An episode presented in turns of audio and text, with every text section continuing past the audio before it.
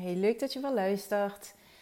Uh, vandaag wil ik iets met je delen naar aanleiding van een, uh, van een boek dat ik onlangs las.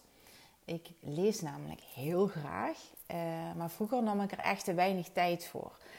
ook omdat ik dacht dat ik dan minstens een uur met een boek op de bank moest kunnen gaan zitten. Ehm, maar inmiddels is dat veranderd en is het een vast ontbijtritueel geworden. Ik ben namelijk altijd als eerste op. Ehm, dus ook heel zelden dat we uh, allemaal gezellig samen aan de ontbijttafel zitten, helaas. Uh, maar we hebben nu eenmaal uh, allemaal een ander ritme hier in het huishouden. En inmiddels heb ik dat maar gewoon geaccepteerd.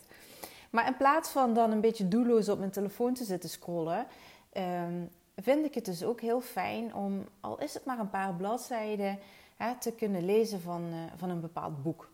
En uh, onlangs las ik dus het boek Dying to Be Me van Anita Morjani. Echt een fascinerende autobiografie over uh, haar bijna doodervaring en vooral ook over de grenzeloze mogelijkheden en capaciteiten die voor ons nog zo ongrijpbaar en zo onvoorstelbaar zijn. En als je mij misschien inmiddels een beetje kent, dan weet je dat mij dat ontzettend boeit. En alleen maar nog nieuwsgieriger maakt naar hoe het universum precies werkt, wat er allemaal mogelijk is en hoe je leert om steeds meer van je capaciteiten te kunnen gebruiken. Want dat is iets waar ik 100% van overtuigd ben, is dat wij als mens bij lange na niet de capaciteiten gebruiken die we hebben. We hebben hè, onze zes, uh, onze zes, nee, onze vijf zintuigen. Het zijn er zes, maar ik bedoel vijf uh, zintuigen om waar te nemen. Hè? Uh, en de meeste mensen die zijn die connectie met dat zesde zintuig dus eigenlijk volledig kwijt. En dat is niet alleen maar I See Dead People voor degenen die van mijn generatie zijn en die film kennen. Ik heb het over de Sixth Sense. Ehm, maar hè, dat is ook niet per se iets wat ik uh, zou willen ontwikkelen. Maar wel het gebruiken van je intuïtie en de bewustwording van het feit dat alles met elkaar verbonden is. En hoe dat elkaar beïnvloedt. En hoe jij zelf bepaalde processen in je lichaam kunt sturen. En Anita die beschrijft dat echt heel erg mooi. Zij heeft het uh, bijvoorbeeld over de metafoor. En die wil ik echt met je delen vandaag. Uh, van een groot warenhuis waar het donker is. En dan stel je even voor dat jij alleen een hele kleine zaklamp hebt. En je schijnt dan met die zaklamp in het donker in dat warenhuis en je ziet dus alleen maar de dingen waar je op schijnt. Maar dat betekent niet dat hè, hetgeen wat jij waarneemt met je zaklamp ook het enige is wat aanwezig is in dat warenhuis. Er is veel meer, maar omdat jouw focus daar niet op ligt, dus omdat jij uh, niet verder kan schijnen met dat kleine zaklampje, zie je dat dus niet. je ziet door een bepaald kader en daardoor is je blik gelimiteerd. Uh, en dat vind ik echt een ontzettende mooie eh, metafoor, omdat dat ook is hoe het, hoe het, in, het, in, het, ja, in het leven gewoon werkt. Hè? Jij focust op een, bepaald, op een bepaalde realiteit, hè? van hoe jij dingen ziet. Uh, maar dat wil helemaal niet zeggen dat dat het enige is wat er is. Of dat jij uh, je focust op bepaalde capaciteiten en je uh, dus ook ja, voor een deel klein houdt, omdat je de geloofsovertuiging hebt dat je bepaalde dingen niet kunt.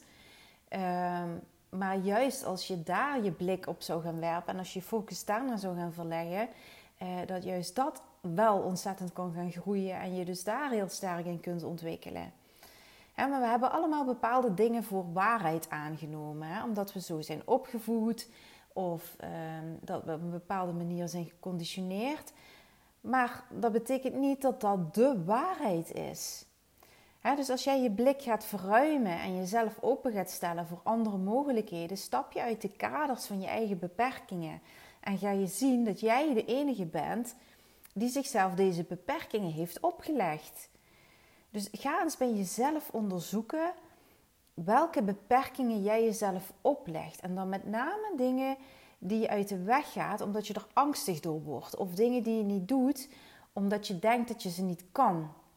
En stel jezelf vervolgens de vraag: waarom geloof ik dit? Is dit waar of is het misschien puur een sociale of culturele conditionering? Dat kan natuurlijk ook nog zo zijn. Hè? Dat je ehm, van een hele specifieke cultuur bent, ehm, waarin bepaalde, ja, tussen aanhalingstekens, regels zijn.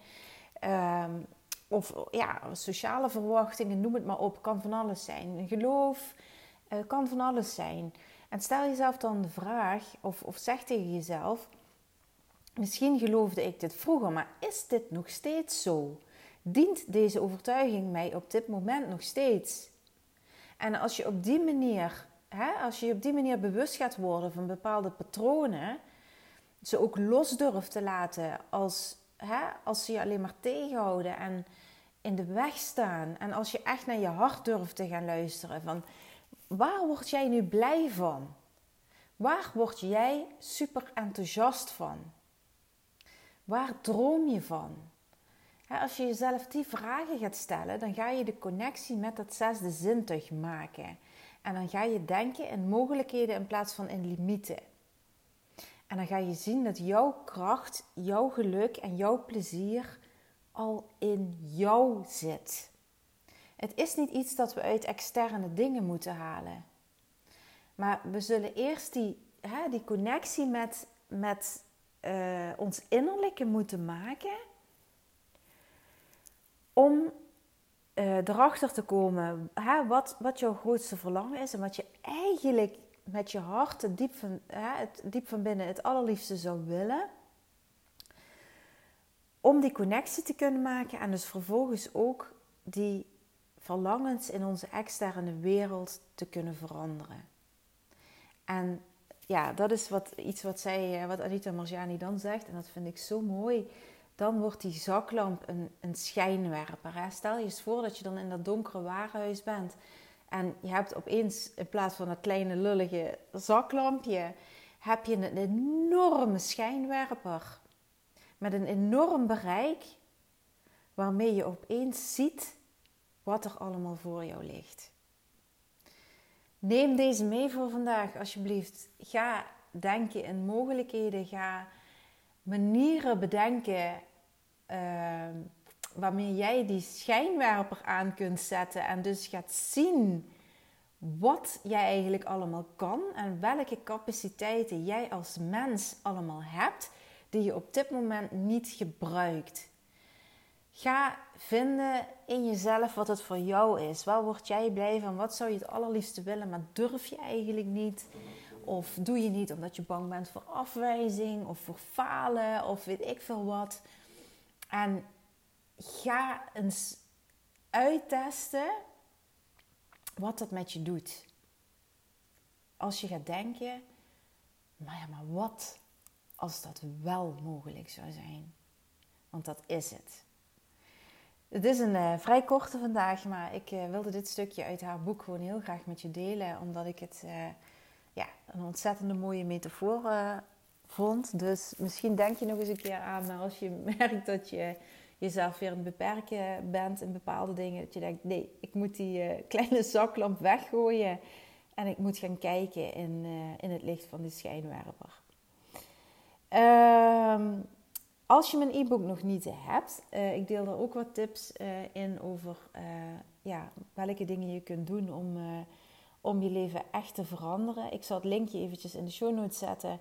dan kun je mijn e-book downloaden en daar wellicht nog wat nuttige tips uithalen. Bedankt voor het luisteren en tot de volgende.